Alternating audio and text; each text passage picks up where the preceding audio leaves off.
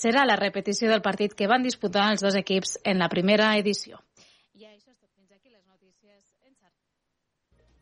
Notícies en xarxa. Obert per vacances amb Manel Ferrer.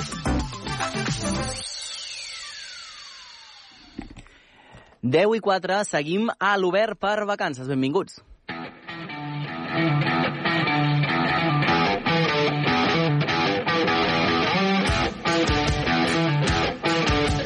Seguim amb l'Obert per vacances i ho fem per parlar de les llàgrimes de Sant Llorenç, també conegudes com a Perseids. Aquest és un dels fenòmens astronòmics més mediàtics i espectaculars de l'any que més coincideix amb l'estiu. Per parlar de tot això i molt més ens acompanya l'Aleix Roig, guia astronòmic i coordinador de continguts del Parc Astronòmic Muntanyes de Prades. Molt bon dia, Aleix, com estàs? Hola, molt bon dia. Gràcies. I amb qui ens acompanya també i que està ja al Parc Astronòmic Muntanyes de Prades és el nostre company Pep Morató de l'Espluga FM Ràdio. Molt bon dia, Pep, com estàs? Molt bon dia, Manel. M'agrada eh, parlar d'aquest fenomen perquè és tan efímer i fugaç mm. que també ho fa especial. Però deixa'm preguntar-li a l'Aleix que, que ens expliqui, Clar. no? Què, què són exactament les llàgrimes de Sant Llorenç, o també coneguts com a Perseids? Doncs bé, es tracta d'un fenomen fantàstic d'observar. És una pluja de meteors i l'hem d'entendre que bé, el nostre planeta Terra dona voltes al voltant del Sol i al llarg d'aquesta trajectòria va creuant cues de cometes. Llavors, al creuar les restes d'aquest cometa, petits fragments, a vegades tan petits com un gra d'arròs, doncs xoquen amb la nostra atmosfera i es produeix aquest fenomen luminiscent que diem un estel fugaç o un meteor. Uh -huh. Al llarg de l'any creuem diferents cues de diferents cometes, no només ara, però potser aquest, el cometa Swift-Tuttle, que és el que estem creuant aquests dies de finals de juliol i, i agost, doncs és el més conegut justament per l'època, no? A l'agost, vacances, bona temperatura, i és fantàstic d'observar. Escolta, Aleix, eh, sempre es diu que pel dia de Sant Llorenç és el dia en el que els perseguits apareixen amb més intensitat. Això sempre és així o depèn de com estigui el, el cel? De fet, al voltant de Sant Llorenç és quan es produeix el mm -hmm. màxim d'activitat. Sant Llorenç és el dia 10 d'agost, mm -hmm. però en realitat enguany eh, es produeix el dia 13, la matinada del diumenge 13 d'agost.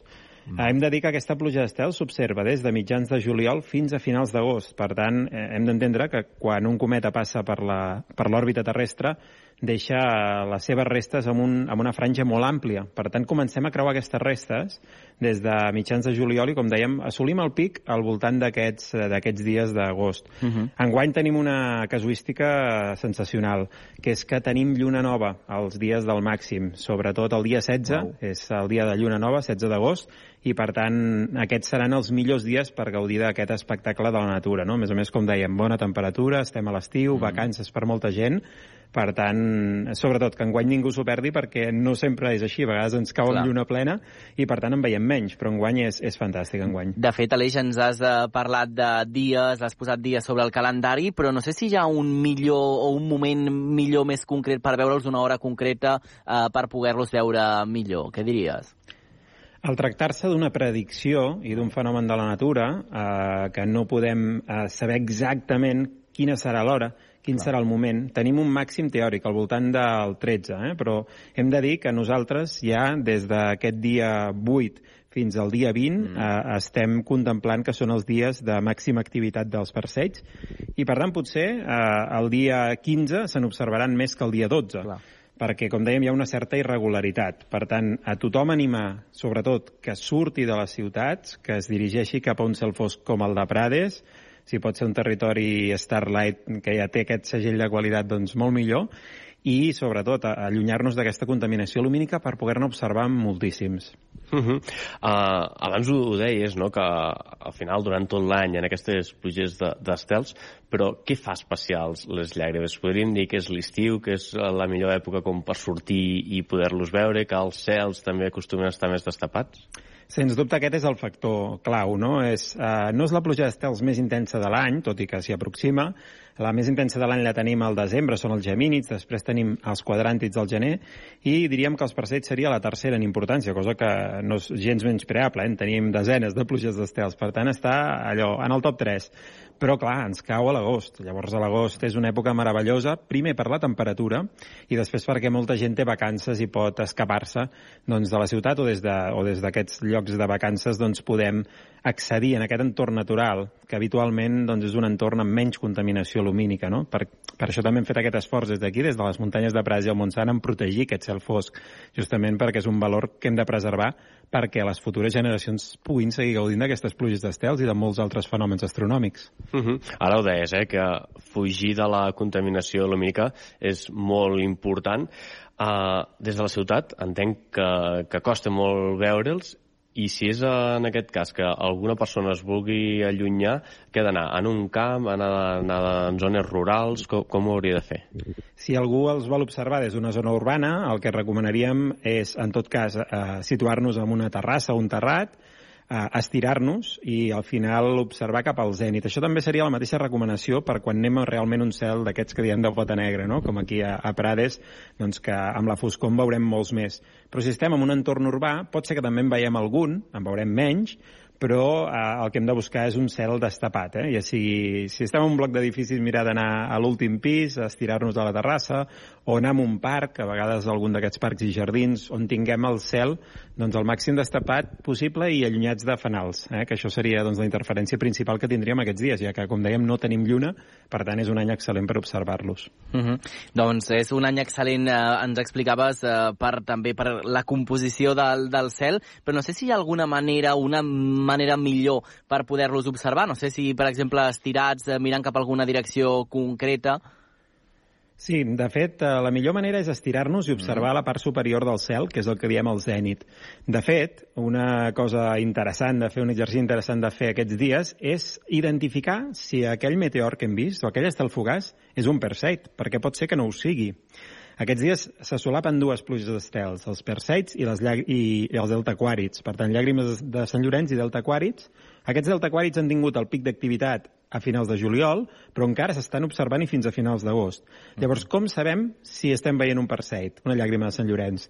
El que hem de fer és resseguir la trajectòria d'aquest estel fugaç cap enrere i veure si va parar a la zona de la constel·lació de Perseu. Si el punt d'origen, el punt de fuga és aquesta constel·lació de Perseu, doncs estem davant d'una llàgrima de Sant Llorenç. Si el punt de fuga, el punt d'origen, el que anomenem radiant, doncs sembla venir d'un altre indret, com per exemple d'Aquari, seria un delta aquàrid.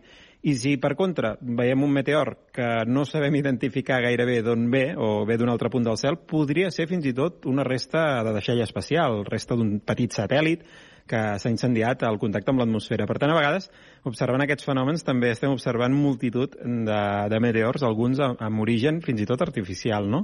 Per això és un dels exercicis que recomanem fer, com dèiem, estirats, guaitant la part mm -hmm. superior del cel, que és el que diem al zènit, i quan veiem aquest meteor, resseguir la trajectòria cap enrere i veure si anem just a sota de Cassiopea, aquella B doble que tothom reconeix al cel, doncs allà hi ha Perseu, doncs en aquella zona serà on, on veurem el punt d'origen.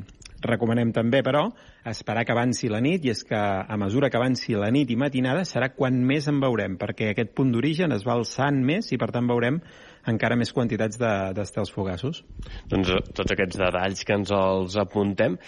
Aquí on ens trobem, al Parc Astronòmic de, de les Muntanyes de Prades, aquests dies teniu gran activitat, no? Molta gent que a banda de veure doncs, aquests estels, els hi feu aquesta explicació. Què és el que exactament feu, feu des d'aquí? Doncs justament aquests dies, des del dia 8 fins al dia 20, tenim les sessions especial per Sets, que és, és una, una passada, no? l'interès que ha despertat i la gent que està venint.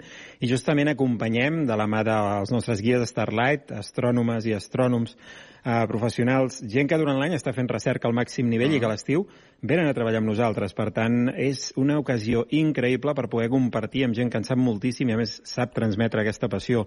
I això ho fem amb dos espectacles, que és Cosmos, un tribut a Carl Sagan, comencem a la sala IPAT i estem una hora i mitja al planetari i una sala immersiva a triple pantalla i després ja ens dirigim cap a Sant Roc, eh, on fem l'observació astronòmica estirats a les gandules, observant el cel i escoltant també aquestes històries de mitologia. Això és l'espectacle, diguem-ne, per adults i després per petits. Fem un viatge de rescat a la Lluna aquí a la sala Hipàtia amb la doctora Selene, intrèpida doctora Selene, que amb els més petitons, a partir de quatre anyets i en famílies, doncs eh, acabem també finalment observant en directe amb grans telescopis com l'espectacle Cosmos des de, des de dalt, des del mirador astronòmic, i la veritat, observar els anells de Saturn mentre vas veient estar els fugassos, això és el que aquests dies estem fent i és, és un espectacle. Sens dubte que la foscor ja de, de Prades, de les muntanyes i de tot l'entorn doncs, deu ser aquesta experiència astronòmica incre increïble. No? Abans de concloure, hi ha algun consell que hauríem de tenir en compte per veure tots aquests passeigs o, fins i tot, no, els altres esdeveniments astronòmics futurs? Doncs, com deia, no, el consell potser seria això, eh, poder ser allunyar-nos de les ciutats, és realment on gaudirem més de les nits astronòmiques, i aquí a la zona de Tarragona tenim un territori Starlight enorme. Som la zona protegida de cel fosc més gran d'Europa, som més de 32 municipis i 700 quilòmetres quadrats protegits eh, contra aquesta llum blanca i, per tant, aquests territoris de cel fosc, que a Catalunya en tenim diversos, eh? també tenim tota la zona del Montsec o el Pirineu. Per tant, allunyem-nos de les ciutats, visitem aquests cels foscos i gaudim d'aquestes pluges d'estels. Doncs eh, aquests, eh, vaja, una experiència única, diria jo, i ho estava pensant mentre doncs, responies a Aleix, no sé si hi ha gent que ha vingut eh, doncs, a, a nivell eh, ciutadà, eh, que podríem tenir qualsevol nosaltres per interessar-se, i li heu despertat molt la curiositat que després ha volgut ampliar tots aquests eh, coneixements, si li ha mm, picat el coquet més al compte. Doncs la veritat és que al llarg dels anys és, és molt gratificant veure que te passen alumnes al llarg de tot l'any perquè rebem escoles i fem activitats educatives i també en famílies amb nens petits i nenes petites a casa i llavors al cap dels anys que et torni i et diguin ostres, mira, al final m'he animat i estic estudiant el batxillerat científic mm. perquè m'agradaria fer astrofísica, no? M'agradaria dedicar-me a l'estudi de l'univers com, com feu des d'aquí, des de Prades, no? I doncs això és molt gratificant, no? Nosaltres col·laborem amb l'Institut d'Astrofísica de Canàries en projectes de recerca professional i quan veus aquesta cantera que puja, no? aquesta pedrera, aquesta gent que, que té aquesta il·lusió, que els hi brillen els ulls, no? que nosaltres ho transmetem amb tota la passió, però també és ben entomat, no? ben rebut, doncs tot això al final eh, fa que la nostra feina tingui molt de sentit. No? I a més a més a l'espectacle Cosmos fem sobretot una, una crida i un toc d'atenció a la humanitat en aquest moment que ens trobem ara mateix de canvi climàtic. Per tant, són espectacles astronòmics, però no deixem de ser crítics, no deixem de posar una miqueta l'atenció en totes aquestes coses que encara com a societat tenim per millorar. Doncs és eh, meravellós també aquesta experiència eh, gratuïta també, que al final és eh, mirar el cel, però que segurament molta gent doncs, encara no, no ha experimentat i avui l'hem conegut a l'Obert per vacances. Eh, gràcies per aquests consells útils i també per compartir el teu coneixement sobre aquestes conegudes llàgrimes de Sant Llorenç, Aleix Roig, guia astronòmic, i que segurament eh, ens tornarem a retrobar en properes ocasions. Gràcies. Molt bé, és un plaer rebre-us des d'aquí, des de Prades, que sempre que vulgueu teniu la porta oberta. I gràcies també al Pep Morató de l'Espluga FM Ràdio, gràcies per uh, acompanyar-nos i tant de bo ens veiem, eh, Pep, algun dia també explorant aquestes llàgrimes. Això, mirant estrelles. Recomanar tot també aquestes imatges que, que tenen a Astroprades, que, mm -hmm. que són magnífiques d'aquests cels amb, amb tots aquests, aquests cometes. Doncs eh, moltes gràcies als dos. Fins la propera. Adéu, adéu. Adéu.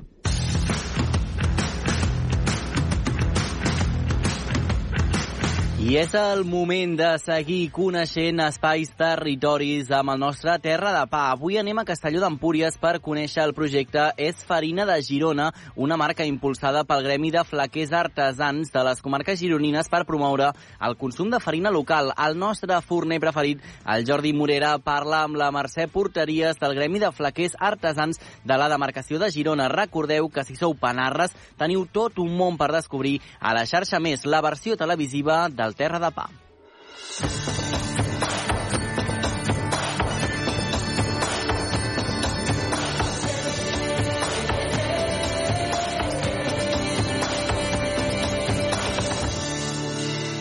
Terra de Pa.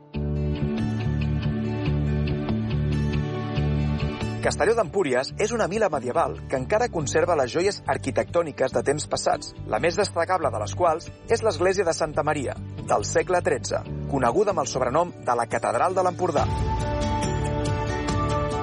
El terme, regat per les plàcides aigües de la Muga i el rec del Molí, limita amb el Parc Natural dels Aiguamolls de l'Empordà.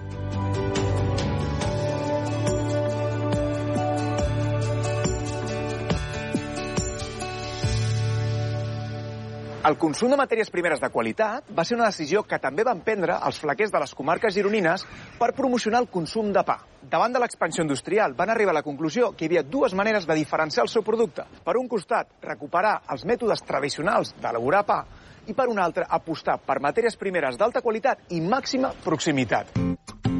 Així va ser com va sorgir la marca És Farina de Girona, de la qual parlarem amb la Mercè Porteries, vicepresidenta del Gremi de Flaquers Artesans de les Comarques Gironines, entitat que va impulsar el projecte. Ho farem a l'Ecomuseu Farinera de Castelló d'Empúries, una fàbrica de farina d'inicis del segle XX, convertida en museu i molt vinculada amb el projecte És Farina de Girona. La farinera s'aixeca sobre l'antic molí del mig, un dels tres molís fariners que hi havia a la vila medieval de Castelló d'Empúries. Tota la maquinària pròpia del procés de transformació del blat en farina és la que avui integra la col·lecció del museu.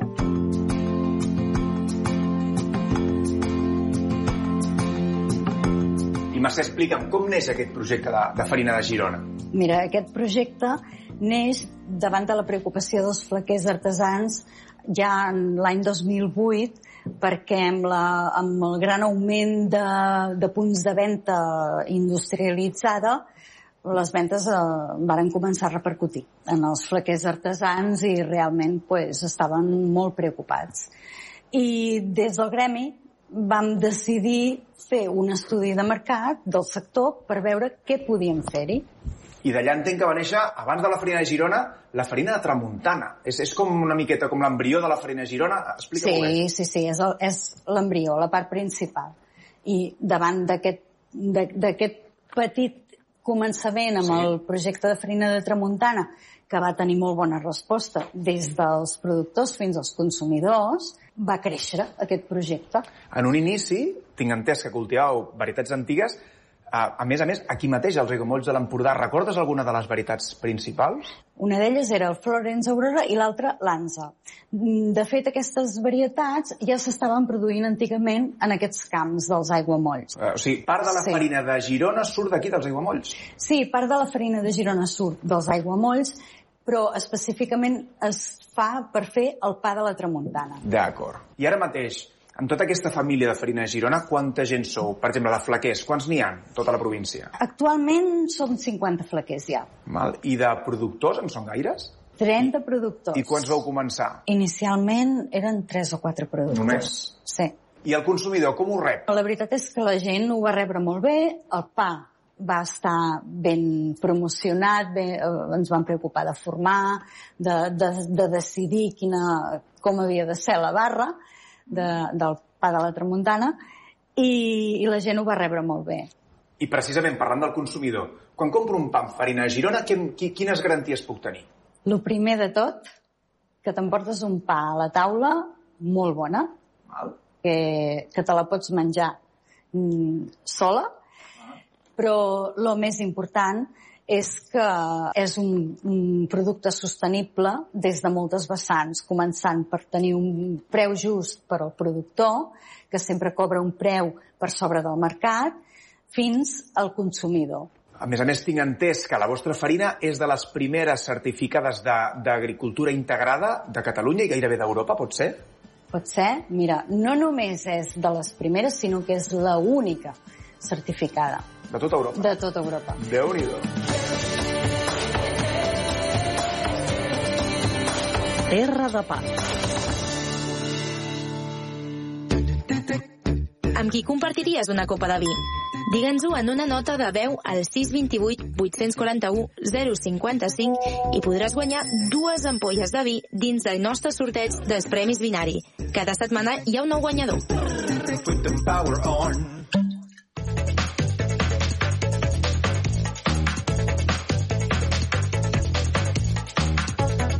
Ens apropem a dos quarts d'onze del matí, continuem a l'Obert per Vacances i continuem a la teva ràdio local explicant-te tot el que passa al territori. Moment ara d'anar fins a Vic. Avui tornem a saludar el nostre company Eudal Puig. Eudal, bon dia. Ens havies dit per saber on eres avui que tocava mirar amunt, cap al cel, oi? Molt bon dia, Manel. Doncs sí, mira, toca mirar amunt. Mm, Bé, potser no veurem gaire cosa mm -hmm. perquè quan ara és de dia i potser mirant cap amunt només veurem el cel, però quan sigui de nit, avui sí que, sí que veurem bé, molta cosa. Eh, recordes que abans eh, t'havia preguntat si sabies quin sant era avui? Sí, he fet els deures. Avui és Sant Llorenç, no? Molt bé, correcte. Clar. Doncs eh, em sembla que ara ja segur que has lligat fils. Toca mirar el cel perquè avui, que és Sant Llorenç, comença un dels fenòmens naturals més espectaculars de l'any i segurament eh, el bo és que repeteix cada any. Això és exacte, és el millor. Uh -huh. Són les llàgrimes de Sant Llorenç, aquests estels que són fruit de la pluja d'estels dels passeigs. Bé, el cas és que ara mateix ens trobem a l'Observatori Prat de Saba, que curiosament, i per molt que no ens ho creguem, està aquí al vell mig de la ciutat de Vic. Concretament, i perquè ens ubiquem tots nosaltres, um, us ho dic fàcil. És literalment a 30 segons de la catedral de Vic i a 5 minuts caminant de la plaça Major. Imagina't si està Mhm. al mig de Vic, eh? I ara també tenim l'oportunitat de saludar en Xevi Cervera, que ens explicarà tot el que amaga aquest, uh, aquesta casa observatori, i és per això que el saludem. Bon dia, Xevi, i moltes gràcies per atendre'ns aquí a l'Obert per Vacances d'avui. Bon dia, gràcies a vosaltres per dirigir la mirada cap a l'observatori. Estem molt contents. De fet, eh, és, és el dia eh, clau avui, el dia de, de Sant Llorenç, i eh, també és el que comentàvem, no? aquest eh, observatori que està curiosament, just aquí al mig de la ciutat de Vic i eh, en aquest sentit et vull preguntar com neix la història d'aquest observatori Prat de Saba. Bé, hi ha un personatge de la ciutat, Josep Prat de Saba, que neix el 1870, mor el 1967, amb 96 anys, i el que destaca d'aquesta persona al llarg de la seva vida és la passió que té per l'observació del cel. Quan tenia 15 anys ja va quedar impactat per una pluja d'estels i després serà una constant a la seva vida fins a aconseguir tenir aquest observatori que avui veiem, que es va edificar el 1916 en substitució del primitiu que va edificar a la plaça Major a sobre de la casa on havia nascut. Uh -huh. Xavi, molt bon dia. Com va reaccionar la gent de Vic quan eh, van saber que portarien un observatori a la ciutat? Home, en aquell moment va ser una cosa impactant mm. perquè no, no era una cosa habitual, però, és clar això anava de bracet amb la manera de ser, amb els talents de Josep Prat de Saba, i, per tant, aquest personatge va ser un revulsiu per la investigació, per la ciència, per moltes coses en aquell temps, fins al punt que la Societat Lunar Internacional va reconèixer a la dècada dels 50 dedicant un cràter de la Lluna amb el seu cognom, el cràter Prat de Saba. De fet, perquè tinguem una miqueta de context d'on estem avui, tenim de tenir en compte de que aquest observatori ha estat eh, abandonat durant molts anys eh, i, de fet, avui és realment un privilegi poder estar aquí perquè avui sobre les portes al públic començaran eh, diverses rutes per vindre a veure, on parlarem ara eh, abans d'acabar, però, eh, si no recordo malament, eh, Xevi, aquest observatori on estem ara s'ha anat restaurant al, en, al llarg d'aquests anys. Sí, aquí hi ha tota una història entranyable i és que en el moment que la besneta de Josep Prat de Saba, l'Anna Alzina, es troba que ha de gestionar aquesta casa, per ella doncs, la prioritat és mantenir, posar en valor i compartir totes les emocions, tot el coneixement, tota la història que guarda aquesta casa, part del seu observatori, i el que farà serà començar a involucrar persones de la ciutat. El primer que involucra és el seu veí, Toni Illa Català, eh, com a bon veí que té a la porta, i després l'agrupació astronòmica d'Osona, que quan veu la possibilitat de tornar a entrar en aquest espai, que té tanta història per ells també, perquè és una mica el seu embrió de la seva associació astronòmica, doncs començaran a treballar eh, amb diferents fronts.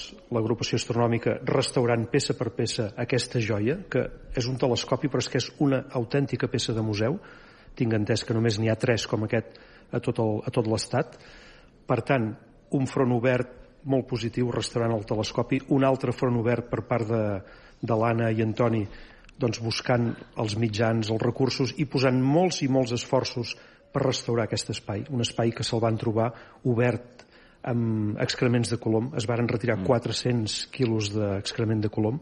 Clar, tot això és una cosa dantesca. I avui ser aquí i veure aquest espai com ha quedat no ens porta a res més que obrir-lo a la ciutat, a les persones, compartir-lo i que més enllà d'aquest d'aquest relleu patrimonial que té, intentar copsar les emocions, tot el que s'ha viscut aquí dintre des del 1916. Ara, Xavi, ens parlaves de... Ens, bueno, ens, ens sorties amb dos protagonistes que han sigut claus a, en la restauració d'aquest uh, observatori i, si us sembla, ara tenim també l'oportunitat de poder parlar amb ells. Ah, ells uh, són el veí que comentava i la besneta del de, uh, el senyor Prat de Saba. Um, a veure, us saludo. Um, Oriol, eh? No. Toni, Toni. L'Oriol és el fill. El fill. Toni, um, comentàvem, un privilegi tenir això, i tu que vius aquí al costat, has anat veient com s'ha anat uh, destruint a poc a poc amb el pas del temps aquest observatori i ara com ha tornat a la vida. Doncs sí, realment avui un dia important perquè es compleix una mica un somni, tal com explicàveu, eh, bueno, vivint aquí davant des de casa hem vist tota la degradació dels últims 40 anys que la cúpula va quedar completament oberta, es va convertir en un colomar i bueno, això va fer doncs, que, que, que convertir-se en un colomar doncs, que des, eh, a mida dels anys es anés degradant completament. Després, bueno, amb l'Anna vam començar ja fa 3 anys eh, aquest projecte de, de poder-lo restaurar i pensem que avui eh, es culmina amb la, amb la primera eh, presa de contacte amb la gent i fent la primera intervenció aquesta nit coincidint amb la pluja d'estrelles de, de Sant Llorenç. Vol dir que realment un petit somni fet realitat. Mm -hmm. Anna, molt bon dia. Hola, bon dia. Què significa per tu poder restaurar aquest observatori? Bueno, estic absolutament emocionadíssima. Uh, sense tots els que ajuden no ho hagués pogut ser, no hagués pogut ser possible. Uh, Me n'adono de la força que té uh, la gent, la gent de Vic, entregadíssima a tota la Casa Prat de Saba. Només tinc agraïments per tothom. Uh, perquè això era una cosa, era una quimera molt difícil de dur a terme i ara veient l'observatori ja està a punt i a punt per aquesta nit perquè el vegin moltes persones de Vic com una primera eh, impressió i una primera prova doncs eh, m'emociona moltíssim i estic molt, molt agraïda. Home, doncs... Uh, Anna, Toni, moltes gràcies per, gràcies, per ser eh? aquí amb, amb, el, uh, amb nosaltres avui. Tornàvem amb això, uh, Xevi, potser podríem dir que la gran joia de la corona d'aquest edifici és aquesta cúpula i aquesta que s'ha anat uh, renovant amb el pas del temps i des de fora té aquests signes del zodíac. Um, què ens en dius d'aquest espai? Bé, és un espai molt pensat, eh, no, no és una cosa fruit de, de la casualitat, eh, un espai que en el seu temps va ser un observatori molt avançat, amb aquesta cúpula giratòria, en els seus inicis girava manualment, ara està mecanitzada, Josep Prat de Saba la va mecanitzar, amb aquesta imatge externa dels signes del zodíac que ja ens ho diuen tot. I després, aquí dins, eh, aquesta cúpula vista per dins és un espai que em costa descriure'l perquè a més a més, a part de l'observatori en si és tot l'entorn que té ara podíem sentir les campanes de la catedral veiem aquestes magnífiques vistes d'aquesta ciutat aquesta ciutat que Miquel Llor va mm, plasmant aquella novel·la, Laura, la ciutat dels Sants. Veiem la catedral, el seu campanar romànic, tots els campanars, les vistes de les muntanyes que ens envolten, aquelles muntanyes que en la poesia de Verdaguer també queden immortalitzades. És especialíssim. Mm -hmm. uh, Xavi, aquest uh, espai uh, estava pensat inicialment com un observatori o quines eren les idees que es movien per, per poder ocupar aquest espai? Sí, sí, com un observatori. Eh? Prat de Saba és un apassionat de l'observació del cel i, per tant, ell, damunt d'aquesta casa senyorial edificada al segle XIX, que era la casa de Marià de Riera, doncs incorpora aquesta nova peça constructiva, aquest observatori, que supera, millora, amb escreix el primer que va tenir a la plaça Major, a la Casa Boulo, on ell havia nascut. En aquest sentit, um, com és que um, fa aquest observatori per la passió, entenc, de, de l'astronomia, però assentar aquest observatori a Vic, com és? Perquè això se't pot passar pel cap, però dius, això és una miqueta de somni, no? Bé, ell tenia la possibilitat de construir-lo aquí, a la casa on ell va entrar com a fill polític. Ell es va casar amb Dolors Riera, la filla de Marià de Riera, i per tant té aquesta possibilitat. I aquí hi ha l'espai i aquí aboquen els recursos econòmics per fer realitat aquest somni. Doncs un eh, somni que, com dèiem, eh, podrem gaudir tots eh, plegats. Eh, parlàvem abans també justament de tota aquesta, o aquesta joia de la corona, no?, que tenia aquesta gran cúpula blanca, però què és el més característic, a part del que comentàvem d'aquest observatori? Què és el que el fa diferent? Bé, eh, per aquí passa un, un meridià, mm -hmm. jo amb això no sóc expert, però ja mm. sabeu que la Terra està seccionada en meridians, i aquí l'observatori, una curiositat que té, i, i ho podrem veure aquest vespre, és que al costat de la cúpula hi ha un petit habitacle amb un tall, un tall que mira cap al sud i mira cap a dalt al cel, i és el tall del meridià que, que passa per aquí i per tant amb l'aparell que ara s'està acabant de restaurar que també es tornarà a recol·locar al seu lloc doncs podien eh, calcular amb una exactitud matemàtica la posició de, dels astres la posició respecte de l'univers. És interessantíssim tot això. Que de fet em sembla que el meridià aquest que, que tenim sabem exactament quin és, no? És, és aquest de, de les xifres d'aquí al costat, no? Quin, quin és? Sí. És el 2 graus, eh, 15 minuts, 18,6 segons ja el tenim ben fitxat, eh? el, el meridià ja, ja ho sabem. De fet, també, amb aquesta petita finestreta que, que ens comentaves, que això sortia al meridià, teníem una postal molt maca, ara ho comentàveu que estàveu els tres eh, veient-ho, veieu amb aquests tres campanars, d'entre molts que hi ha aquí a la ciutat de Vic, una postal que només podríem veure si, si venim aquí. Sí, quan dirigim la vista per aquesta finestreta del Meridià veiem el campanar de les Dominiques, coneguda com les Beates, a continuació veiem un campanar modernista de l'arquitecte Periques, en l'edifici de Sant Antoni Maria Claret, i al fons de tot, com a, com a tercer punt d'aquesta línia, un campanar barroc de l'església de Sant Domènec. Per tant, és aquesta imatge de ciutat. I per l'altra obertura veiem el campanar de la catedral, per l'altra veiem el de la Pietat, i per la porta d'accés veiem el campanar de la casa de la ciutat. Déu nhi déu ja ho podem dir, eh, Vic, Ciutat dels Sants, amb campanars, amb esglésies, amb, amb tot plegat. Um, Xavi, quan alguna persona pensa en un observatori, potser pensa que està al mig de la muntanya, que pensa estar en un lloc alt, eh, que no hi ha gaire llum, que és de difícil accés i que les estrelles es poden veure excessivament bé de nit i sense cap problema. Quan se't passa pel cap de dir hi haurà un observatori al mig de la ciutat de Vic? En quin sentit eh, eh, es munta aquí? I per què no es decideix a, a ficar-lo en un lloc on potser estigui més apartat de la contaminació lumínica? Sí que és veritat que potser aquest tema de la contaminació sí que seria més aviat d'ara, eh, però en el seu moment construir-lo aquí Vic i no en un altre lloc? En aquell moment jo sóc desconeixedor d'aquesta matèria, però estic convençudíssim que era indiferent muntar-lo en un àmbit urbà o muntar-lo en una zona rural eh, per al tema de la contaminació lumínica. Pensem que el 1916 Vic tot just fa escassament 20 anys que s'ha electrificat, que té escassa il·luminació pública en els carrers i, per tant, tot aquest fenomen que tenim ara és una contaminació que ens ha vingut sobrevinguda i que ens ha dificultat la visió del cel. Amb això no hi van comptar. Mm -hmm. De fet, eh, Xavi, avui, com dèiem, l'excusa que teníem per visitar-vos era doncs, aquest Sant Llorenç, es fa aquesta gran inauguració, aquesta gran posada en escena, però a partir d'ara, un cop passi aquest vespre, què és el que passarà? Què és el que hi fareu en aquest espai?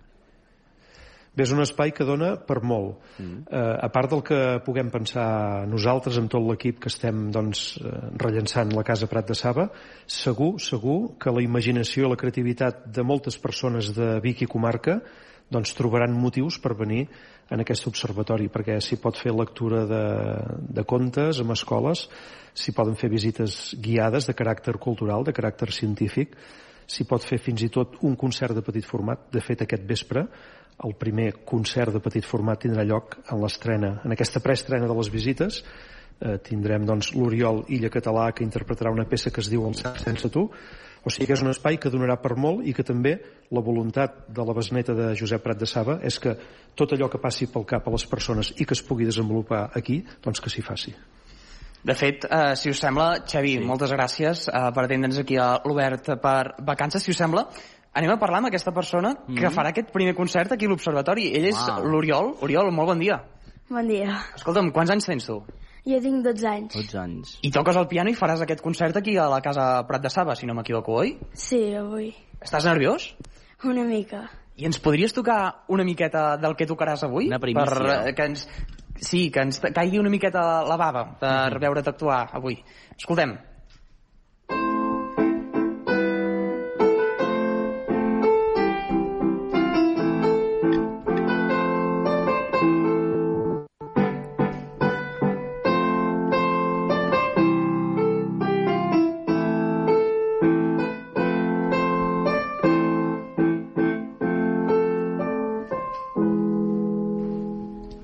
Molt bé, Oriol. És meravellós. Tots els que estem aquí. Que bé, que bé. Doncs res, si us han quedat amb les ganes de vindre a veure aquest Observatori sí. Prat de Saba aquí a Vic, ja sabeu quan venir, com venir, i segur que no us deixarà indiferents. Doncs gràcies a tots i gràcies també, Eudal, per aquest final de festa d'aquesta connexió que ha estat meravellós també per les nostres oïdes. Gràcies. I tant, que vagi bé. Adéu.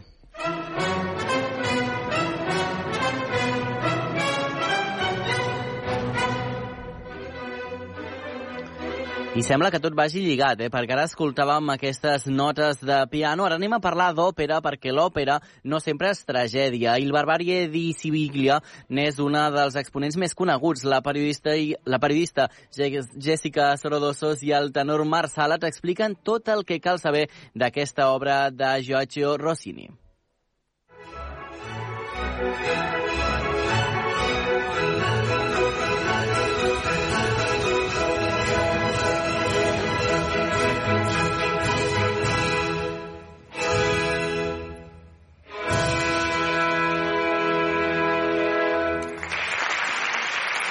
Jessica, quina creus que és la ciutat on es situen més òperes en el seu argument?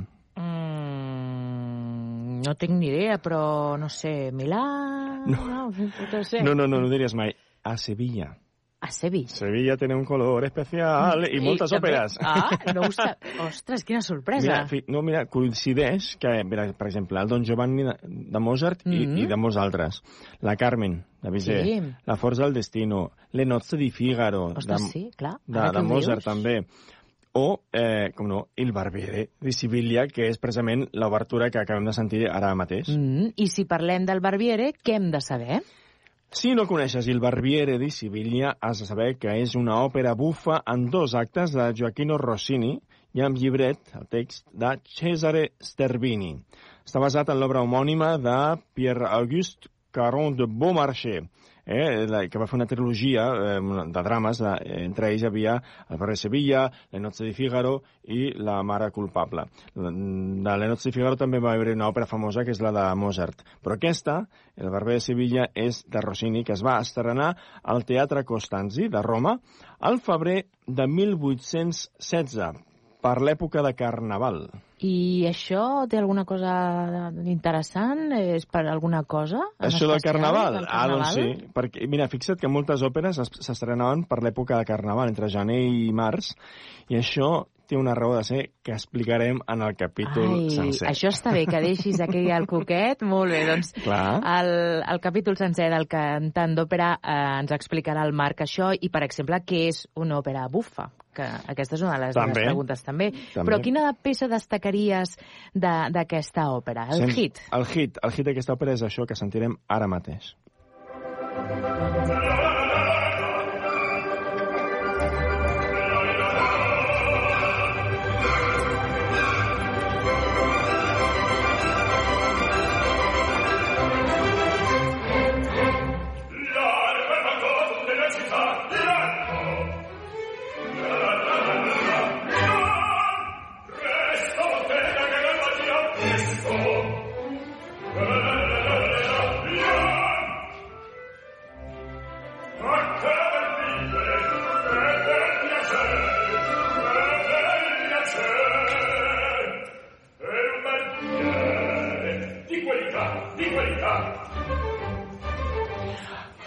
això que estem sentint és la cavatina de Fígaro, el personatge protagonista d'aquesta òpera, el Barbiere di Siviglia. És el largo el factotum, que es presenta en la famosa Fígaro, Fígaro, Fígaro, Mhm. Fígaro. I què és això d'una cavatina? Una cavatina, una cavatina és una peça que explicarem millor també en el nostre capítol sencer, clar que sí. Avui és indispensable en aquest capítol Sí. eh, anar a veure i a trobar eh, aquests, aquests ítems. Doncs acabem avui escoltant aquest baríton, César San Martín, cantant Mhm. Largo al Factum amb l'Orquestra Simfònica del Vallès en directe. En directe, en una producció sí, de la Fundació Òpera Catalunya, que molt amablement ens ha cedit aquest àudio. I si voleu escoltar més peces d'aquesta òpera, aneu al perfil de Pròpera a Spotify on hi trobareu una llista de reproducció amb una selecció fantàstica musical. Sí. Bona òpera.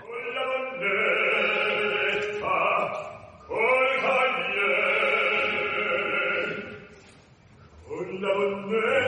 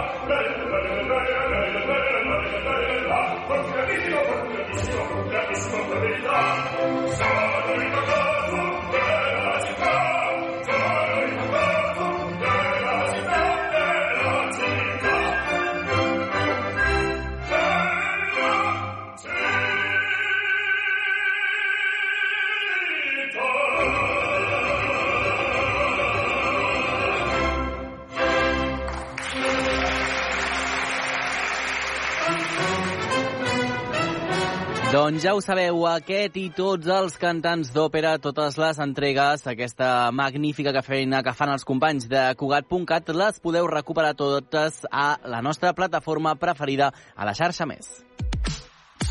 Obert per vacances. A la platja, a la muntanya, a la teva ràdio local i també a la xarxa Més.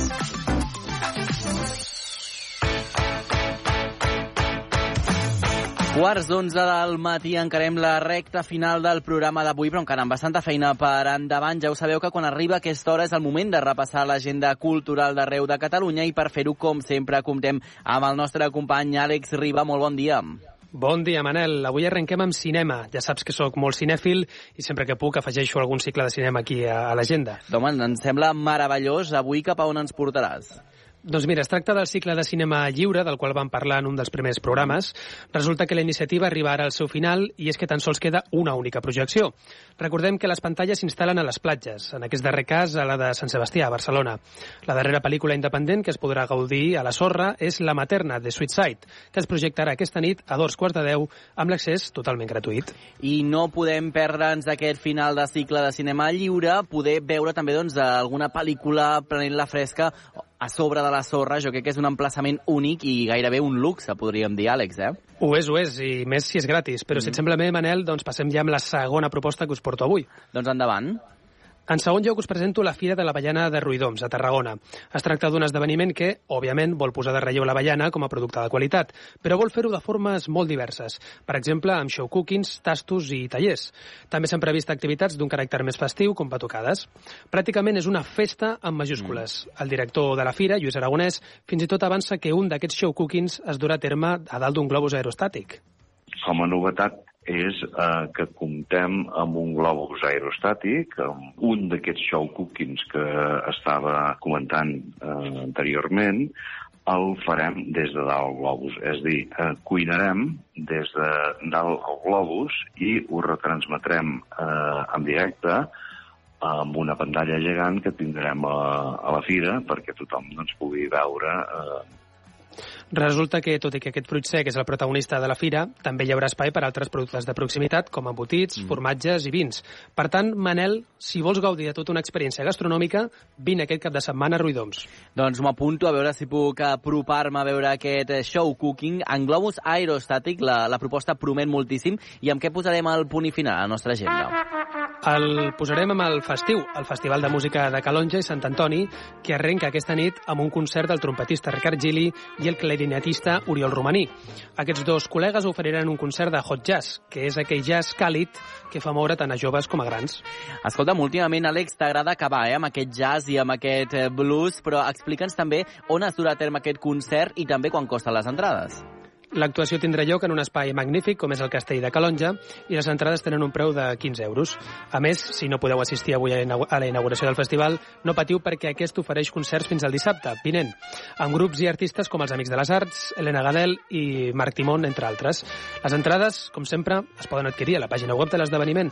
Doncs ho afegeixo a l'agenda, Àlex. Un dia més, moltes gràcies també per apropar-nos la cultura i també la nostra agenda arreu del territori a l'Obert per Vacances. Gràcies a tu, Manel, i fins demà, que fins ja s'apropa el cap de setmana. Oh, eh? I tant.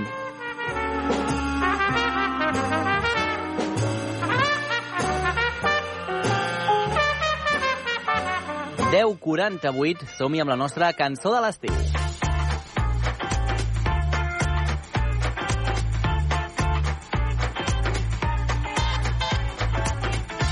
Anna Gasol, molt bon dia, com estàs?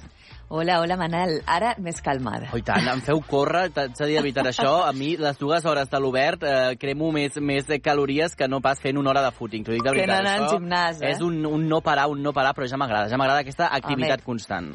I l'encant aquest del directe, Oh, eh? Que ara s'allarga d'aquí, se puja d'allà. Escolta'm una cosa, digue'm. jo t'he de dir una cosa. Sí? Estic gelosa, Manel. Per què?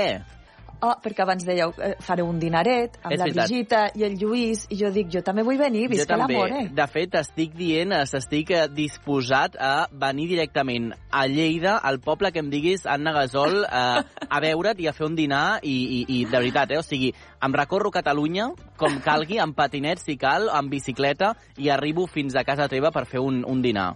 Mira, jo et rebo amb aquests vins que tenim dels Premis Binari, que tenim una llista de bons vins i bons vermuts que Oh, et i sembla. tant. Mira, ara que estàs fent dentetes, crec que és un bon moment per recordar com pot la gent també guanyar uns vinets gràcies a l'Obert per Vacances. Mhm. Podem, mira, els dilluns tenim el sorteig dels Premis Binaris, que aprofito per dir, mm Mhm. tenim un vídeo magnífic a les Sí. xarxes de les emissores locals on un artistàs us ho explique, que ho faig cridar aquí que l'aneu a veure, eh? Molt bé. Doncs escolta, això, el dilluns, sorteig de, de vins. Eh, ens toca, ara he de fer memòria, no sé què ens toca aquests dilluns. Vam Mhm. sortejar el dilluns passat el, el vi rosat. Sí. Ens toca, per tant, el vi negre jove, que sí? Exacte, sí. Mhm. Un vi negre jove, i això és enviant una nota de veu al nostre telèfon, al 628, al 841 055, dient el vostre nom i amb qui us prendríeu una copeta de vi. Això és meravellós i podeu tirar de la imaginació tant com, com vulgueu. De fet, ens ho estava explicant. Eh, el vi, com bé deies, és un vi negre jove de l'Arabí 2022 a les vinyes d'en Gabriel, d'aquesta denominació d'origen Montsant. Per tant, això serà el dilluns i ja podeu participar i enviant aquestes notes de veu, Anna, que poden ser tan creatius com vulguin. Perquè recordo I un tant, guanyador ens eh, que ens explicava que ell volia compartir aquestes eh, copeta, aquesta copeta, de fet es deia l'Ivan, ens deia que ell volia compartir aquestes eh, copes de vi amb la seva dona, no?, per tot l'amor que es tenien, que és preciós, però recordava, per exemple, Mhm. també l'Arnau Torres de Premià de Mar, que ens deia que ell es veuria aquesta copa amb la Meryl Streep, és a dir, que pots tirar imaginació Sí, tant feia- com vulguis. Feia un còctel, eh? Entre Exacte, la Strip, sí, sí. el veí, la Sí, sí. Strip, el veí, l'amiga, sí, tots plegats. Visca l'amor, eh? A mi m'agrada sí. Ara tenim també una proposta romàntica, perquè, escolta, el sorteig que ens ocupa ara, el, Mm. el que ens toca ja, és el de demà, que demà ja és divendres, dia Oh, de tant. sorteig. Per tant, encara fem crida perquè encara podem rebre més àudios Clar. al 628 841 055 això, amb el vostre nom, Mm. des d'on ens escolteu i quina creieu que és la vostra cançó de l'estiu, que jo estic aprenent un munt. Jo també. Perquè amb aquest dinar que farem, Manel, jo posaré la música. Farem una Faré playlist, eh? Exacte, fem una Sí. playlist de totes les cançons que ens heu proposat, eh, perquè hi ha algunes que són molt bones, eh? I tant, tenim de tot. I avui te Mm. porto això, ben variat. Mira, tenim ritmes salseros. Perfecte. Tenim romanticisme. Genial. Estrelles dels 90. Mira, ja sona, espera que te'l deixo escoltar. A veure. Hola, soc la, Ma- Ara. Ara, ara. Hola, soc la Maria de Almenar, ja em deveu conèixer perquè no paro d'enviar àudios. Hola, I crec que la cançó de l'estiu podria ser també In the Night de Oques Grasses. Ai, crec que ningú ha demanat Oques Grasses, per tant, me sembla un bon grup estiuenc i català. Així que adelante. Fins que no em toqui, no paro. Vinga, Hola, decidida, que Maria, vagi molt molt bé. Adéu. Hola, bon dia. Sóc el Kilian de Premià de Mar i la meva cançó preferida de l'estiu és Soldadito de Hierro de Nil Moliner perquè és la primera cançó que ens dedicàvem al meu nòvio i jo. Gràcies, adeu.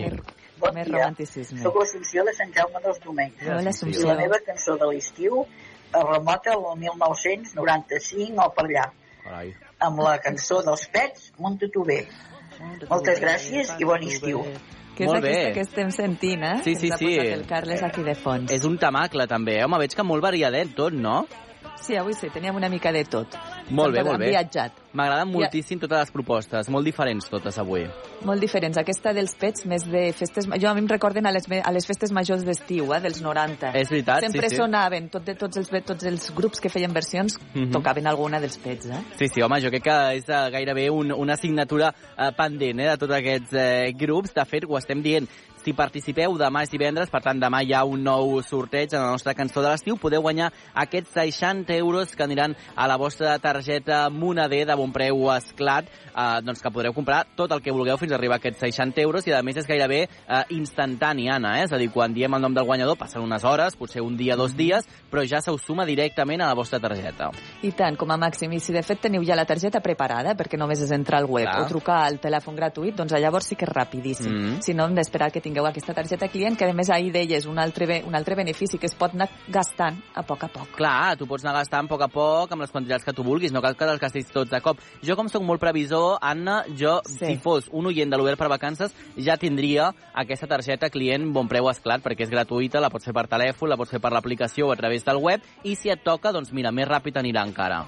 Escolta, i si, i si tu ets previsor, jo encara ho soc més, jo ja la tinc, eh? Ja la tens? Preparada. Sí, però jo no puc participar. Clar, no pots lleig, participar. Manel, això sí que ens lleig. passa. Això sí que ens passa. De fet, jo tinc la, la targeta al mòbil directament, amb a l'aplicació de, de Bonpreu Esclat. És a dir, que és facilíssim eh, tenir-la i, a més, tens un piló d'avantatges. Per tant, eh, ja ho sabeu, si no la teniu encara, doncs és el moment de fer-la i participar també amb la nostra cançó de l'estiu, que si ho fan cantant, jo crec que ja és meravellós, Anna. I tant, falta cantar. Nosaltres ens encanta cantar. Ah, ens encanta Escolta, quina cantar. cantem avui? Ara ens hem escoltat aquesta dels pets. Jo em decanto una mica pel... Ja t'ho vaig dir un dia, eh? Mhm. els ritmes més llatins. I aquestes oques grasses que fan aquesta fusió, Sí, què et sembla? t'agraden, eh? T'agraden oques grasses? Home, és meravellós. M'agrada molt com cante. Mm -hmm. Fem una cosa, si vols, com avui no ens passarà moltes vegades que tinguem una mica més de temps, fem també, si vols, un recordatori del sorteig, concurs del Saló del Manga, de l'Espai Z. I tant. Mira, el, abans parlava amb el Raül. El Raül és el guanyador Mhm. el dimecres d'aquestes dues entrades eh, pel dia 8 de I què desembre. deia el Raül? Estava content o què, Anna? Estava molt content, Sí, estava molt donant dades molt content i li deia, escolta, al desembre, al Saló del Manga, quina sort, Ah. em deia, quina sort, estava feliç. Doncs llavors el, el Raül és el que va guanyar aquest dimecres Mhm. perquè ens va enviar una nota de veu al 628 841 055 i va entrar al sorteig eh, explicant-nos això, quin, com es diu, des d'on ens escolta i quin és el seu personatge preferit de la temporada 1 Mm. eh, de l'Espai Z, Exacte. que està als podcasts de la xarxa Mesa, que és la nostra plataforma Exacte. audiovisual preferida. Allà ho teniu vosaltres, els escolteu, passeu una bona estona descobrint coses sobre el manga i el còmic i podeu participar en aquestes entrades per al dia 8 de desembre, divendres 8 de desembre, per anar al Saló del Manga. Ara sí se'ns acaba el temps, Anna, moltes Mhm. gràcies i em sembla perfecte que puguem marxar escoltant Oques Grasses amb aquest In the Night. Eh, gràcies, Vinga. Anna, i gràcies també a vosaltres per acompanyar-nos. Tornem demà quan passin 4 minutets de les 9 del matí a la vostra ràdio local. Gràcies, adeu.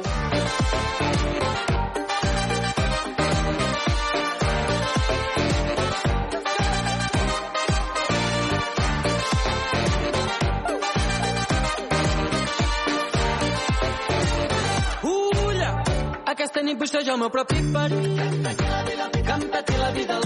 No cal pensar en el que serà demà de mi. Que si m'hi he de fer mal pensar-ho no em serveix. Cremo de desig, cremo de desig. S'evapora gris i no pregunto res. La teva pena fa saltar pels marges. Que l'ànima s'enlaire amunt i senti el risc. Oh!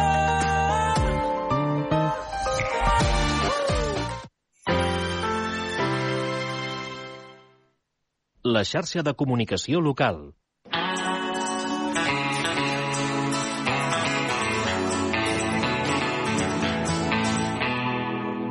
Un paisatge, una història, un vent de l'oest. La vigília d'un nou dia, un cor efervescent. Quan no puguis més, xiula jo vindré. L'hora blava de la tarda, la llum del meu carrer, gira el món. Malgrat sentir-te sola, tot es mou. Darrere de la porta, saps on aniràs? Tot el món al teu abast. Quan una porta es tanca, saps? Tu tens la clau per volar amb la teva nau. Ara que ets lliure i forta.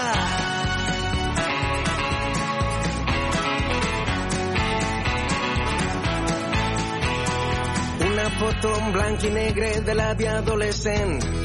El coratge que t'inspira a mirar-la fixament. Quan no puguis més, xiula jo vindré. Una imatge, un aroma que ens fa viatjar en el temps, gira el món. Malgrat estar cansada, tot es mou. No pots estar aturada, saps on aniràs? Tot el món al teu abast. Quan una porta es tanca, saps? Tu tens la clau per volar amb la teva nau. Ara que ets lliure i forta.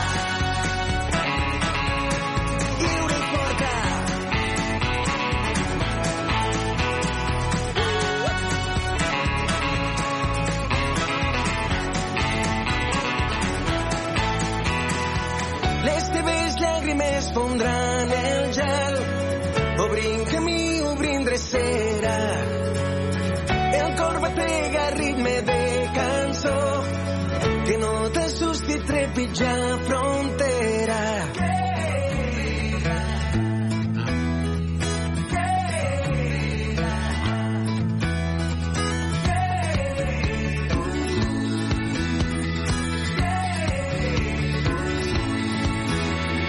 Saps on aniràs tot el món al teu abast.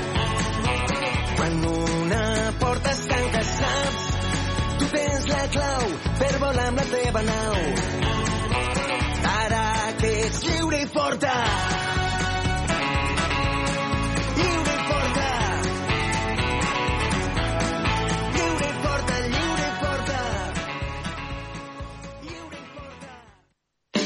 La xarxa de comunicació local.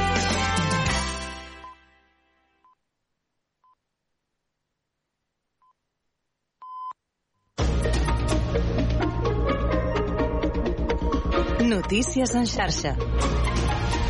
Bon dia, són les 11, us parla Maria Lara. El Servei Meteorològic de Catalunya ha emès un avís per temps violent durant dues hores entre mitjanit i les dues de la matinada d'avui a les Terres de l'Ebre i també algunes comarques de Ponent. Segons la previsió, hi ha possibilitat que caigui pedra de diàmetre superior a 2 centímetres, en ratxes també de vent de més de 25 metres per segon, esclafits i tornados o fins i tot mànegues. El grau de perill és màxim 6 de 6, en aquest cas a la Terra Alta, i alt entre el 3 i el 4 al Montsià al Baix Ebre, la Ribera d'Ebre, el Priorat, les Garrigues, el Segrià i també al Baix Camp. També recordem que hi ha alerta per altes temperatures. La calor tocarà sostre, sobretot a l'oest de Catalunya, i el perill es preveu molt alt a les comarques de la Terra Alta, la Ribera d'Ebre i també al Priorat, amb temperatures que podrien frigar fins i tot els 43 graus. En aquest sentit, el Zoo de Barcelona adapta les cures dels animals davant d'aquest increment de les temperatures. Uh, per això tenim el nostre company, el Jordi Claret, al Zoo de Barcelona. Jordi, bon dia, explica'ns. Hola, bon dia, Maria. Doncs eh, sí, justament estem aquí al, al Zoo de Barcelona, on, com bé deies, s'han adaptat els tractaments eh, d'alguns animals davant d'aquest eh, nou pic de temperatures o d'aquest nou episodi d'onada de calor. Eh, mesures com, per exemple, l'increment de la renovació dels